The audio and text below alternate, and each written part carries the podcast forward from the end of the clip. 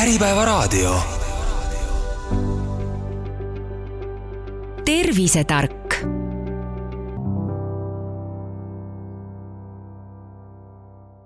tere päevast, eetris on Tervisetark, mina olen Tuuli Seinberg ja minu külaline on täna silmaarst doktor Merike Meren Turman silmakliinikust ja Kreutzwaldi silmakeskusest. ja me räägime täna kuivast silmast. Et see võib tunduda selline väga tühine ebamugavustunne, aga samas võib osutuda väga oluliseks asjaks, aga miks see on oluline, eriti arvestades seda, et näiteks paljud inimesed, eriti mehed, ei lähe isegi surmaähvardusel arsti juurde ja nüüd mingi selline tühi asi nagu kuiv silm. jah, esiteks tere, head kuulajad, et äh, kuiv silm on tõesti probleem ja mida aeg edasi, seda rohkem see probleemiks muutub. muidugi pean ütlema, et mõnel inimesel on kuiv silm ja ta elab rõõmsalt äh, edasi ja võib-olla isegi ei tea seda, et tal on silm kuiv. aga osadel on äh, tõsised mured, isegi nii, et äh, on olnud mul paar patsienti, kes ütlevad, et neil on eluisu otsas. et ta võib olla väga-väga kurnav, aga, aga eks me saame ikka abi ka tänapäeval. et me tea, oskame juba seda diagnoosida ja juba see on suur asi, et me tuleme selle peale, et et silmad võivad olla kuivad ja, ja see võib teha niivõrd ebamugavaks elu räägimegi sellest lähemalt natukene, et äh, kuidas see siis tekib ja mida endast kujutab, et silmade niisutussüsteem peaks ju toimima automaatselt, hoolimata sellest, et kas on põud või vihmaperiood, et äh, kuidas see siis toimib ja miks ta teinekord ei toimi õigesti? Jah, tõesti, silmaniisutussüsteem toimib automaatselt. pisarad tekivad äh, pisaranäärmes ja kui silma pilgutada, siis äh, pisaranäärmes tuleb pisar ja ideaalis ühtlaselt niisutab siis silmapinna ära. teiseks on nii, et pisar ei ole vesi, et seda me peame arvestama. pisaral on kolm kihti, kõige silmapoolsem kiht on äh, limakiht et see aitab hoida seda pisaravedelikku silma peal. keskmine kiht on veekiht, mis siis toidab silma ja kõige pindmine kiht on lipiidkiht või rasukiht. et see rasu satub sinna lauseis olevatest näärmetest, mida nimetatakse Meibomi näärmeteks. ja näärmetest tuleb äh, jällegi ideaalis peaks tulema õlitaoline produkt, mis tuleb sinna lauserva peale ja seguneb siis pisaravedelikuga ja tänu sellele pisaravedelik ei auru nii kiiresti silma pealt ära. aga nüüd kahjuks ongi see, et, et kui näiteks on mingisugune pisaranäärmehaigus, kõige sagedamini on see autoimmuunsed sidekoehaigused, eelkõige Sjögreni sündroom, kus on liigeshaigus ja ka limaskestade kuivus. et tavaliselt on niimoodi, et öeldakse, et keel naksub suus ja ausalt öeldes ka vahest võib öelda nii, et ka silmad plaksuvad, et kui inimene liigutab silmi või paneb silma kinni, siis käib selline plaks, ta on tõesti, mõnikord on väga kuivad. ja tänu sellele ei produtseerita pisarat nii palju ja, ja siis ongi kuiv silm. rohkem on probleeme just nende launäärmetega väga sageli lähevad need nää-, launaäärmed põletikku, üldse lauääred lähevad põletikku ja ka need äh, näärmete viimajohad ummistuvad. see ummistuvad näiteks äh, surnud äh, naharakkudest, sellest silmast välja tulevast vedelikust, mis on täiesti normaalne, niinimetatud uneliivast. aga ka mõnikord eriti daamidel, kes värvivad väga hoolsalt ja, ja väga bravuurikalt oma ripsmeid, et nad kipuvad tõmbama ripsmeduši sinna laua ääre peale ripsmetest silma poole. ja tõesti, see nagu ummistab need ära ja seetõttu ei tule üldse seda rasu sinna, sinna pisaravedelikku, et sealt hakkab siis kuiv silm pihta jälle väga palju erinevaid võimalusi, kuidas see võib tekkida siis nii haiguste kui, kui ka selliste käitumuslike asjade tõttu, ma saan aru. just, et see ongi, tegelikult on seal hästi palju põhjuseid, miks tekib kuiv silm.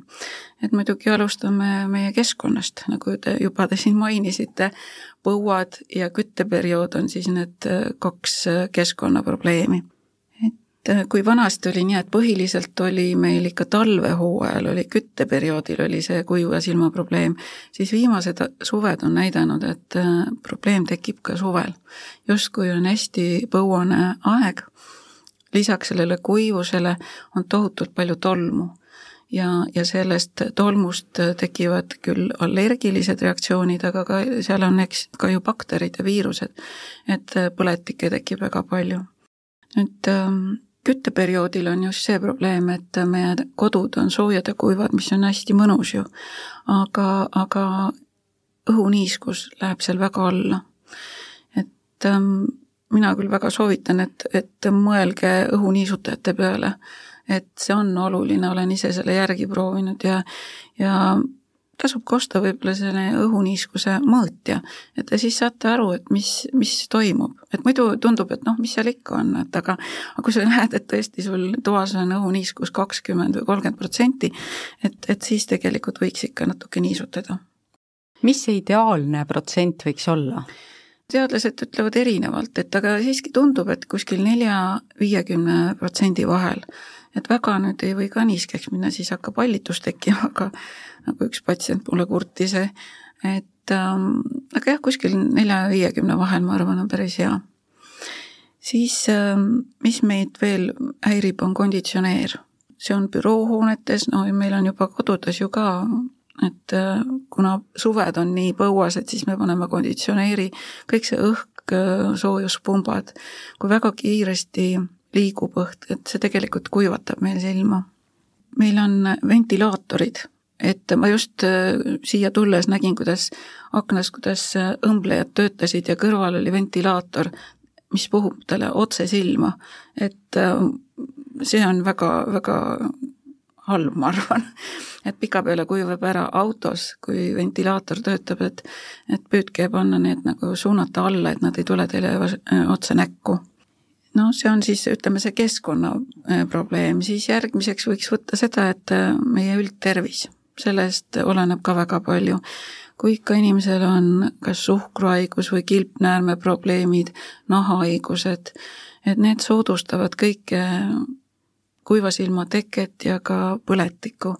ja, ja see on nagu surnud ring, et üks põlet-, tähendab nagu põletik põhjustab kuivust ja kuivus põhjustab põletikku, et peab mõtlema oma üldtervise peale.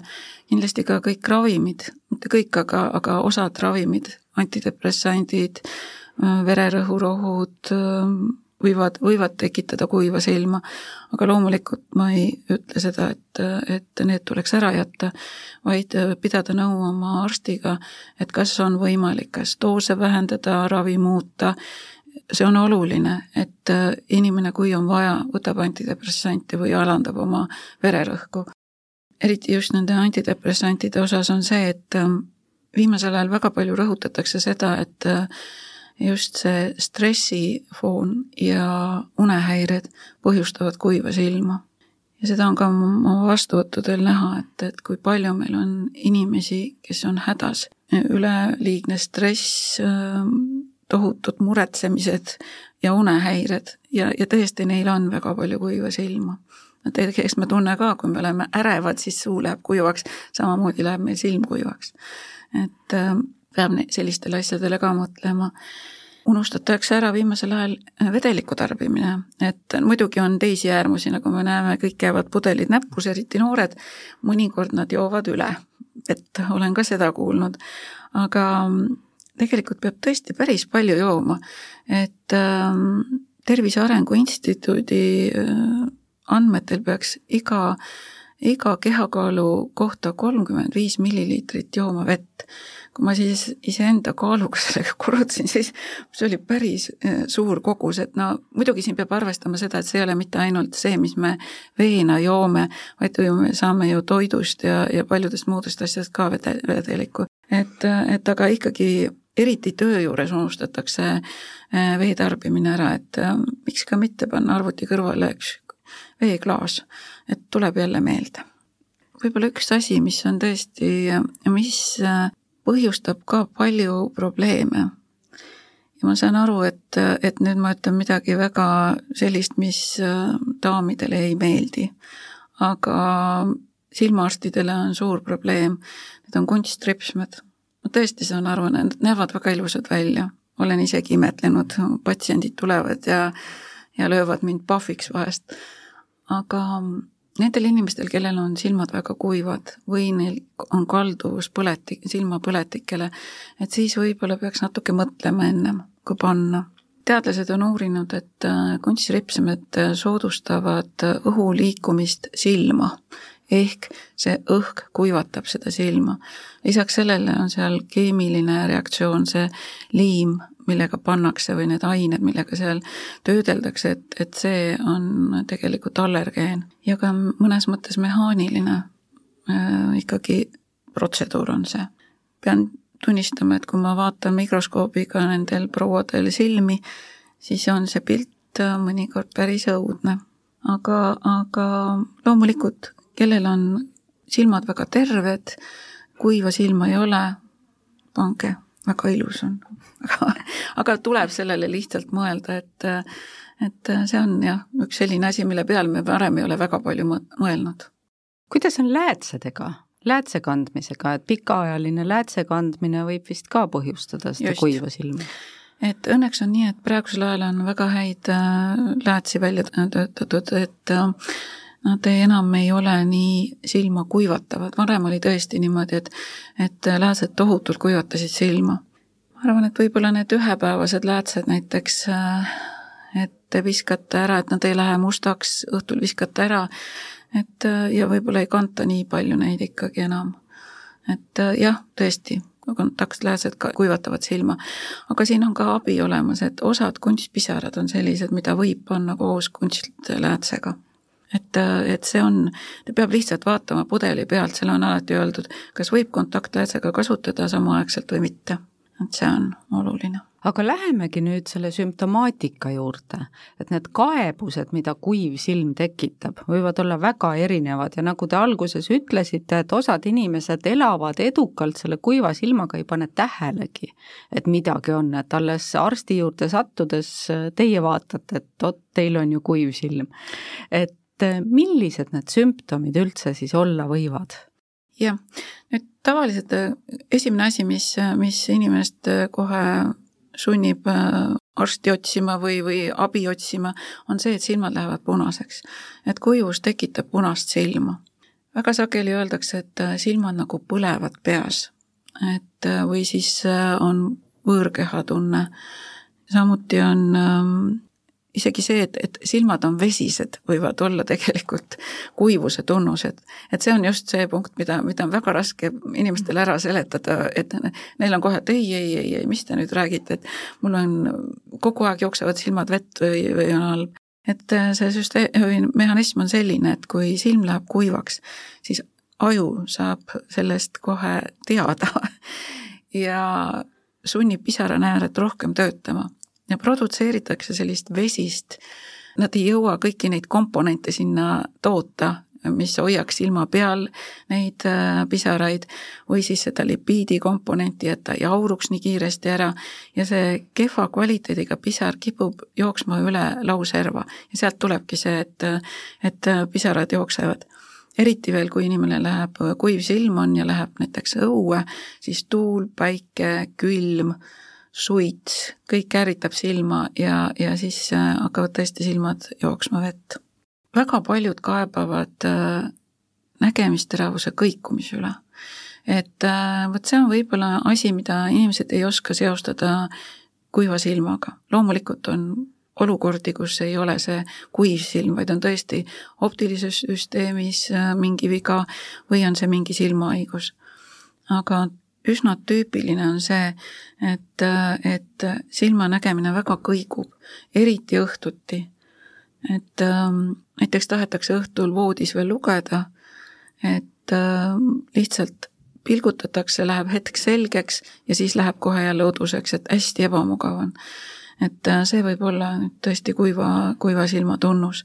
ja muidugi see klassikaline ütlus, et ma tahaksin istuda õhtul teleka ees ja kuulata silmad kinni televiisorit.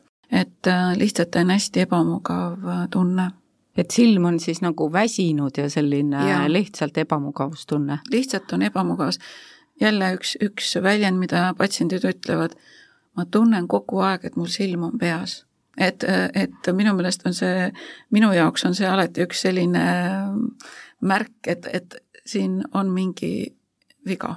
muidugi alati ei ole see jälle kuivus, ma ei saa seda alati nii öelda, aga, aga üks esimesi mõtteid on alati, et, see on kuivus see on üks hea selline lause, mis endale meelde jätta kuulajatele, et kui te nüüd kuulate ja tunnetate enda keha, et kas teil on silmad peas või ei ole et kui tekib see tunne, siis igal juhul vist tasub ikkagi silmaarstiga konsulteerida, et kas seal on kuiv silm või mingi muu silmaprobleem. see on just hästi oluline, et, et ikkagi inimesed võtaksid, algus võib tõesti ise niinimetatud ravida, et äh, kõik see, mis te saate apteegis ilma retseptita, seda võite omapäi kasutada. ja tavaliselt on niimoodi, et kunstpisarad, mis on see esimene variant, mida kohe sealt soovitatakse, et neid te võite kasutada, te kunagi üle ei doseeri. et äh, see ei ole ravim, et see on äh, niisutav vahend, see põhimõtteliselt on sama, mis te panete kreemi nahale niisutuseks, see on siis silmale et see on esimene asi, mida te võite hakata kasutama. aga kui on ikkagi, et kaebuseid ei möödu, et siis kindlasti peab minema arsti juurde, sest siin taga võivad olla ka muud haigused. näiteks võib-olla teil on hoopis sarvkestapõletik või, või, või silma sees olev põletik, et mis ka annab, annab või näiteks silmarahu probleemid. et see on üks selline asi, mida me just tahaksime rõhutada, et, et äh, kuiva silma ravi on äh, meeskonnatöö, et äh, meeskond, haaraksime ka tegelikult patsienti, sest tema alustab seda ravi. et kui, kui omal käel ei saa enam hakkama, et siis järgmine etapp oleks arstivisiit.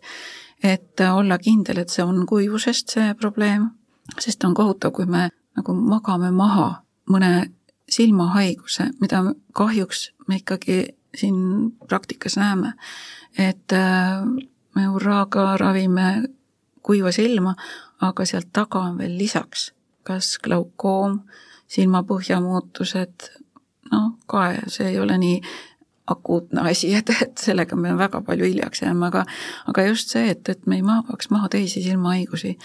ja, ja seda nüüd ütleme, need, kes võib-olla päris silmaarstid ei ole, et need, nendel on natuke raske seda diagnoosida. Ja muidugi see, et noh, meie ütleme, Kreutzwaldi silmakeskuses on töötatud siis välja selline süsteem, me oleme nüüd, põhineme meie kahele heale konsultandile, üks on siis Ameerikas doktor Ronaldo Toios, kes on selline arvamusliider Ameerikas kuiva silma alal, seal on, nagu ikka Ameerikas on nagu aktiivsem raviskeem ja, ja teisest äh, küljest siis Inglismaa professor James Woolsoffi andmetel või noh, me teeme temaga koostööd, et äh, ta töötab sellises töögrupis, mis äh, töötab välja juhised arstidele, kuidas kuiva silma ravida Euroopas. ja oleme temaga teinud kursuseid meie personalile ja arutanud neid probleeme ja oleme siis välja töötanud sellise etapiviisilise ravi. et äh, nagu ma just ütlesin, et esimene etapp on tegelikult see, et inimesed oma keskkonda muudavad, elustiili, ka toitumist, mida me ei ole veel puudutanud üldse, et, et et äh, väga oluline on ka oomega kolm, D-vitamiin, A-vitamiin, et ähm, muidugi on väga hea, kui inimene saab selle toiduga kätte, et seemned, pähklid, rasvane kala, kõik sellised äh, juurikad ja mm, igasugune mitmekesine toit, aga kui inimene ei armasta neid või, või tundub, et sellest ei piisa, et siis loomulikult toidulisanditena kasutada seda. ja kui siis pöördub äh, inimene arsti juurde, siis järgmine ravietapp on, on see esiteks muidugi nõustamine ja põhjalik analüüs selle inimese üldtervise osas ja, ja milline on elustiil ja siis ma saan ka nõustada, et mida saaks muuta. tavaliselt on nii, et sellises etapis, kui nad jõuavad inimesed juba arsti juurde, et siis tuleb kasutada ka retseptirohte ja me kasutame hormoontilku. see on nagu välja äh, töötatud, et see on nüüd see kuiva silma ravi lisaks kunstpisaratele, kui, kui on juba tõsisem probleem. Muidugi, kui tekib juba bakteriaalne põletik, sest äh, kui kuiv on silm, siis kaitsebarjääri ei ole ja bakterid, viirused, allergeenid saavad väga hästi seal tegutseda, siis muidugi me kasutame ka, ka antibiootikumi tilku, me praegusel ajal on võimalik neid ühte pudelisse saada, et siis on kergem tilgutada ja ka allergiat ravime. Kui nüüd ütleme kuu aja jooksul inimene kõike seda teeb ja ikkagi tal asjad ei parane, siis on äh, soovitus juba pöörduda vähemalt meie firmas, meil on kuiva silma spetsialist, kes on põhimõtteliselt optometristi haridusega, aga on siis saanud spetsiaalse väljaõppe nii Rolando Toiuse poolt kui siis ka professor Ulsovi poolt, et ähm, ta teeb põhjaliku äh, diagnostika juba aparaatidega. Et äh, see aparaat teeb pildid silmast, hindab, kui palju on pisaraid, kui kuiv on silm, silmasarv, kes, kus on need kuivad kohad, millises olukorras on, on laud. ja siis seletab kõik selle lahti ka patsiendile. ehk patsient näeb, millised ta silmad välja näevad. ja see on üks oluline asi, sellepärast et äh, kui sa ise näed, missuguse see, tõesti seal ripsmete vahel on koorikud. Need rips- või laud on sellised paksud, sa näed, kuidas see sarvkestal on kuivad laigud, äh, milline, kui punane ikkagi sul silm on, et siis sa oled ka valmis seda kunstpisarat rohkem kasutama ja oled valmis ka lauge puhastama. sest üks väga oluline punkt on laugude puhastamine. just seal launäärmed, nad produtseerivad seda rasu no on niimoodi, et, et see rasu on äh, väga sageli nagu pasta, no kirjanduses öeldakse hambapasta lausa. kui me vajutame nendele näärmetele, siis tuleb tõesti nagu hambapasta sealt välja. või siis on nagu võilaadne, see on juba natuke parem. et muidugi, nagu ma ütlesin, et ideaal on õli. aga kui see on pasta või võilaadne, see üsna tihti jääb sinna lauserva peale, sest see ei segune pisaraga. ja see on nüüd hea sööde mikroobidele ja lisaks veel meil on äh, tegelikult lauripsmete kotis elavad väikesed elukad, kes on tegelikult niisugune normaalne mikrofloora, nii nagu meil maos on, eks ju, normaalne mikrofloora.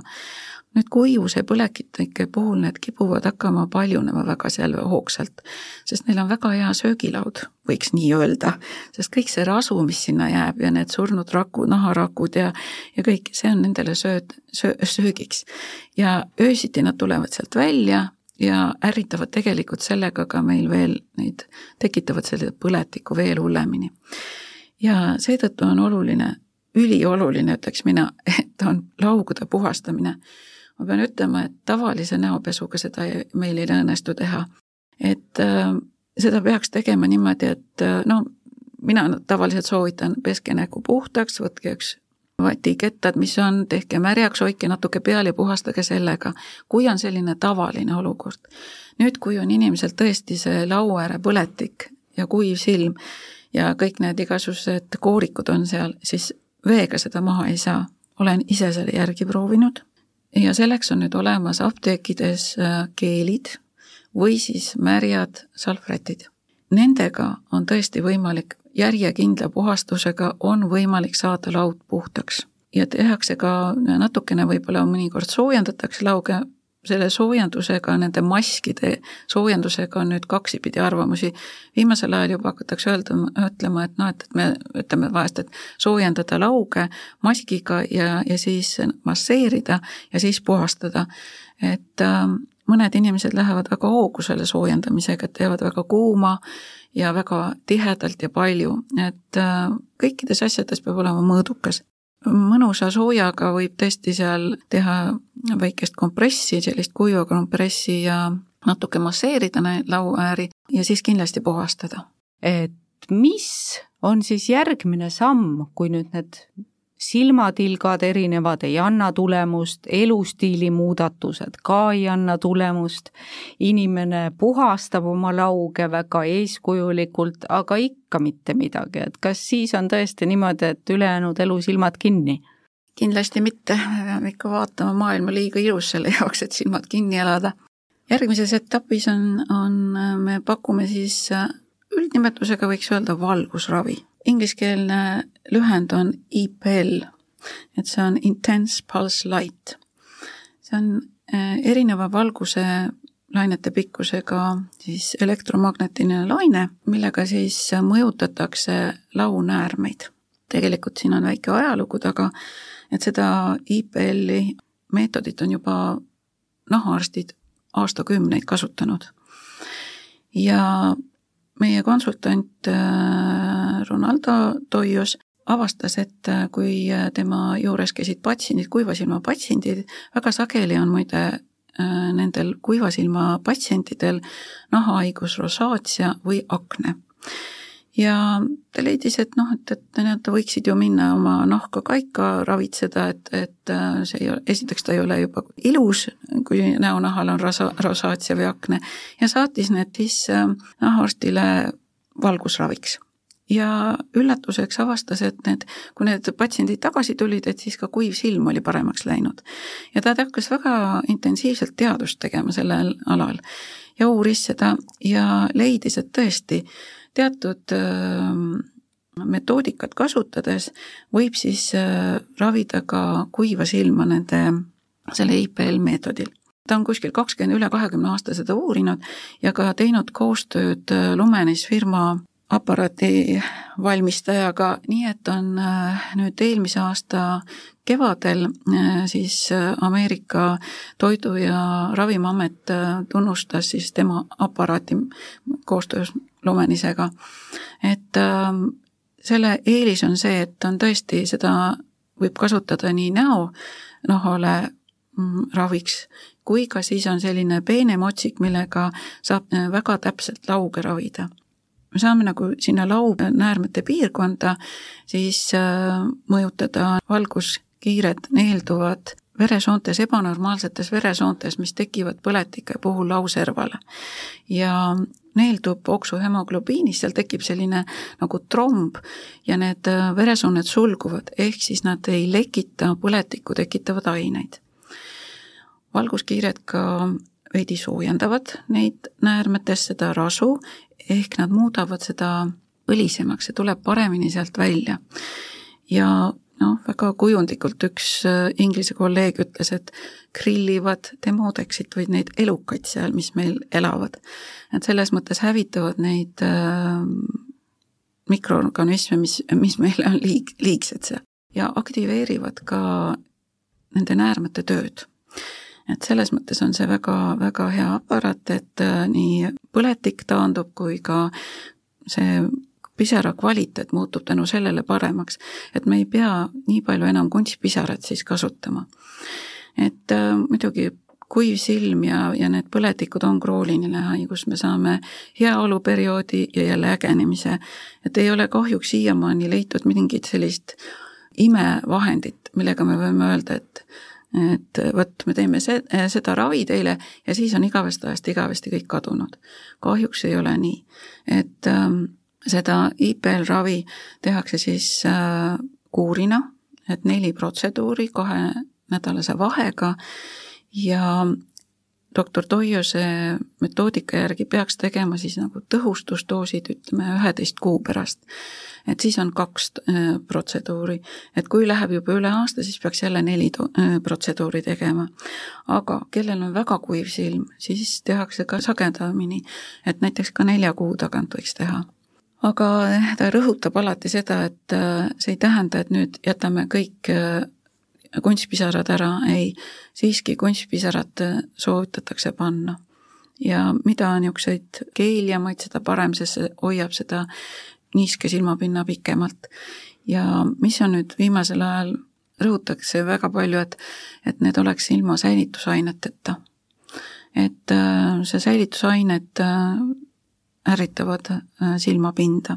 no osad ravimid siiski on sellised, kus on säilitusained sees, et siis on leitud, et mitte üle nelja korra päevas kasutada. et kui nüüd inimesel on, on tõesti tõsised äh, kahjustused, et äh, siis me soovitame küll rohkem kui neli korda kindlasti panna päevas kunstpisarat. nüüd lisaks sellele valgusravile on võimalus ka kanda isegi kaitseprille, kellel on tõesti ekstreemselt kuivad silmad. on välja mõeldud sellised, sellised nagu väiksed elastsed korgid, mida saab panna pisarpunktidesse, et pisar ei voolaks ära sealt silmast muidugi seal on see äh, probleem, et kui me sulgeme selle pisarapunkti, siis on leitud, et äh, põletikumediaatorid või need ained, mis põhjustavad põletikku, et nende hulk suureneb seal, kuna ära ei voola pisar, see ka, see kehv pisar ka, et siis see tekitaks nagu natuke rohkem põletikku, seetõttu nüüd natuke vähem kasutatakse neid pisarpunktide sulgemisi põhiliselt just siis, kui on need autoimmuunsed haigused Sjögreni sündroomi puhul. ja ikkagi, kui on niimoodi, et kõik see, need ravid tehakse ära, see ütleme, valgusravi ja kunstpisar, kui see ka ei aita, siis on, suunatakse patsient jälle tagasi äh, arsti juurde, et meil on veel retsepti rohte varuks, mida me siis kasutame, aga see on pikk ravi, tavaliselt on nii, et tahetakse, et seda tehakse pool aastat igapäevaselt, kord päevas panna seda Ikervist. et see on selline rohi, mis vajab pikka kuuri, et see, see efekt ei tule ruttu. ja on ka teiste nende ravimite juures ka see, see ei ole kohe, et nipsust läheb, et ma täna panen, läheb paremaks ja siis ongi kõik läbi, et, et äh, asjad võtavad aega.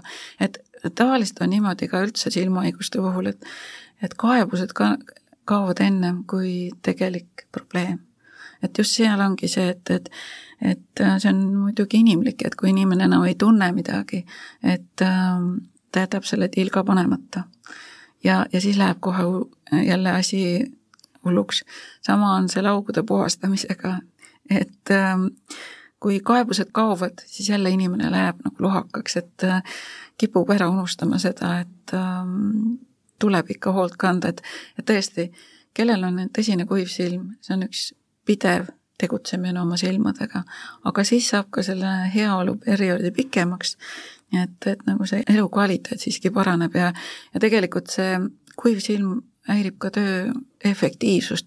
kui ikka niimoodi, et paljud ütlevad, et ma jään, tahan olla arvuti ees silmad kinni, siis on halb et võib-olla ka tööandjad peaksid natukene mõtlema seda, et äh, võib-olla natuke toetada kunstpisaratega, võib-olla võiks olla töö juures äh, arvuti kõrval tööandja poolt muretsetud kunstpisar ja ja tõesti mõelge selle õhuniisutuse peale, et ähm, see on oluline siit tuli mitu mõtet, et esiteks muidugi see tööandjatele siis õhu kvaliteedi ja õhuniiskuse taseme jälgimine ja teistpidi ka see inimeste enda ravisoostumus, et meil väga palju räägitakse seoses ütleme, antibiootikumi raviga, tablettraviga, et tuleb kuurid lõpuni teha, aga jah, et silmade ravi puhul ja ka sellise leevendamise, silmaprobleemide leevendamise puhul tõepoolest see kuur teha lõpuni ka siis, kui mingit sellist akuutset probleemi endast märku ei annagi, et see on väga oluline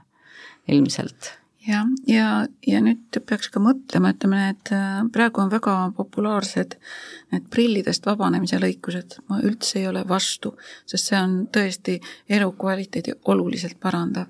aga need inimesed, kellel on juba eelnevalt kuiv silm, siis äh, nad peaksid natukene mõtlema enne ja võib-olla ka ravima enne. et äh, see kipub tek-, tekitama kuiva silma, kuna seal lõp-, lõigatakse need äh, närvid läbi, osaliselt närvid läbi, et tänu sellele inimene nagu hästi ei tunnegi, et tal on kuiv silm. ja tänu sellele see, võib-olla need silmapinna rakud kahjustuvad ja, ja, ja siis suhteliselt hilja juba inimene hakkab sellest aru saama, et see on kuiv. samuti on leitud, et see, need, kui noh, muudetakse sarvkesta, et, et see muutub natuke ebaühtlasemaks, et pisar ühtlaselt ei kata seda sarvkesta pinda. sama muide on ka kaelõikustega, et siin on just need vanemad inimesed üldse vana iga on see, on üks riskitegur, eriti naistel, et äh, menopausi tingimuses meil lähevad kõik limaskesed kuivaks, et ähm, nendel on ka palju probleeme ja kui siis tehakse kaelõikust, on sama, sama süsteem, et, et ikkagi see häirub, see, see pisarate regulatsioon seal peal. et soovitatakse näiteks kaks nädalat või kaks kuuri valgusravi teha enne kaelõikust. ja siis, kui on kaelõikusest näiteks kuu aega möödas, siis teha jälle kaks, kaks kuuri et, et siis ei lähe silm nii kuivaks. nüüd ütleme, selle prillist vabanemise lõikuste puhul on, osad meetodid on paremad, näiteks doktor Toios on just, rõhutab alati, kuna ta ise ka tegeleb just nende lõikustega, et Smile'i meetod on nagu kõige kuiva silma sõbralikum. et just nõu pidada nende kirurgidega, et mis oleks neile konkreetselt sellele inimesele kõige parem variant kordame kuulajatele üle korraks ka kõik need riskirühmad, et mis said saate esimeses pooles mainitud, et teatud kaasuvad haigused, teatud ravimid, teatud keskkonnatingimused, et kes peaks siis korraks mõtlema ja oma silmi tunnetama? Kindlasti need, kes töötavad konditsioneerikeskkonnas arvuti ees, sest arvutiekraanile vaadates silma ei pilgutata nii palju ja, ja siis silm kuivab nii et äh, iga kord, kui te vajutate enter, olge head, pange silmad korralikult kinni, sellepärast et siis tuleb pisar, pisar näärmest ja niisutab hästi silma. peale selle te puhkate selle aja silma. nüüd äh, kõik, kellel on mingi üldhaigus, eelkõige suhkruhaigus, kilpnäärmehaigused, liigesehaigused, nahahaigused, rosaatiaakne, kes tarbivad erinevaid rohte, kellel on unehäired, kellel on depressioon või lihtsalt on ekstreemne muretseja. Nendel tasub kindlasti mõelda rohkem. siin on ka tekkinud nendel äh, osadel inimestel, et närvirakud silma peal kahjustuvad ja närvilõpmed muutuvad ekstreemselt tundlikuks, ehk arst ei näe eriti, et oleks probleemi, aga haigel on tohutud kaebused.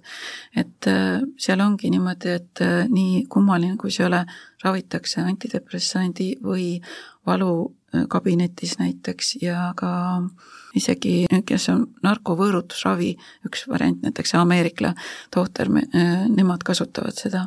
nüüd ähm, kindlasti need sellised inimesed, kes ähm, ei armasta eriti toituda tervislikult või mitmekülgselt, et need, nemad peaksid mõtlema samamoodi. muide, rasedus on üks asi, üks äh, periood inimese või naise elus, kus ja rinnaga toitmine ka, kus muutuvad silmad hästi kuivaks. see on jälle see hormonaalne probleem. ja siis menopaus. ja menopaus, ikka naistel rohkem kõik, kõik probleemid aga korraks veel räägime ka sellest, et mis siis juhtub, kui inimesel ikkagi õnnestub edukalt kõiki neid kaebusi ignoreerida, et tal pole aega, ta ei hooli, ta ei pane tähele, ta peab tegema tööd. mis siis juhtub aastatega selle silmaga? kui silm on kuiv, siis ta on väga tundlik esiteks igasuguse kahjustuse osas, et näiteks kui on kuni sinnamaani, et inimene hõõrub väga silma, võib äh, neid sarvkestarakku kahjustada, sest lihtsalt kui silm on kuiv, siis ta on, see sarvkest on õrnem. kuivus väga lihtsalt ära seletatuna lõhub rakke ja, ja seal tekivad väiksed defektid. et äh, seda on meil mikroskoobi all võimalik näha.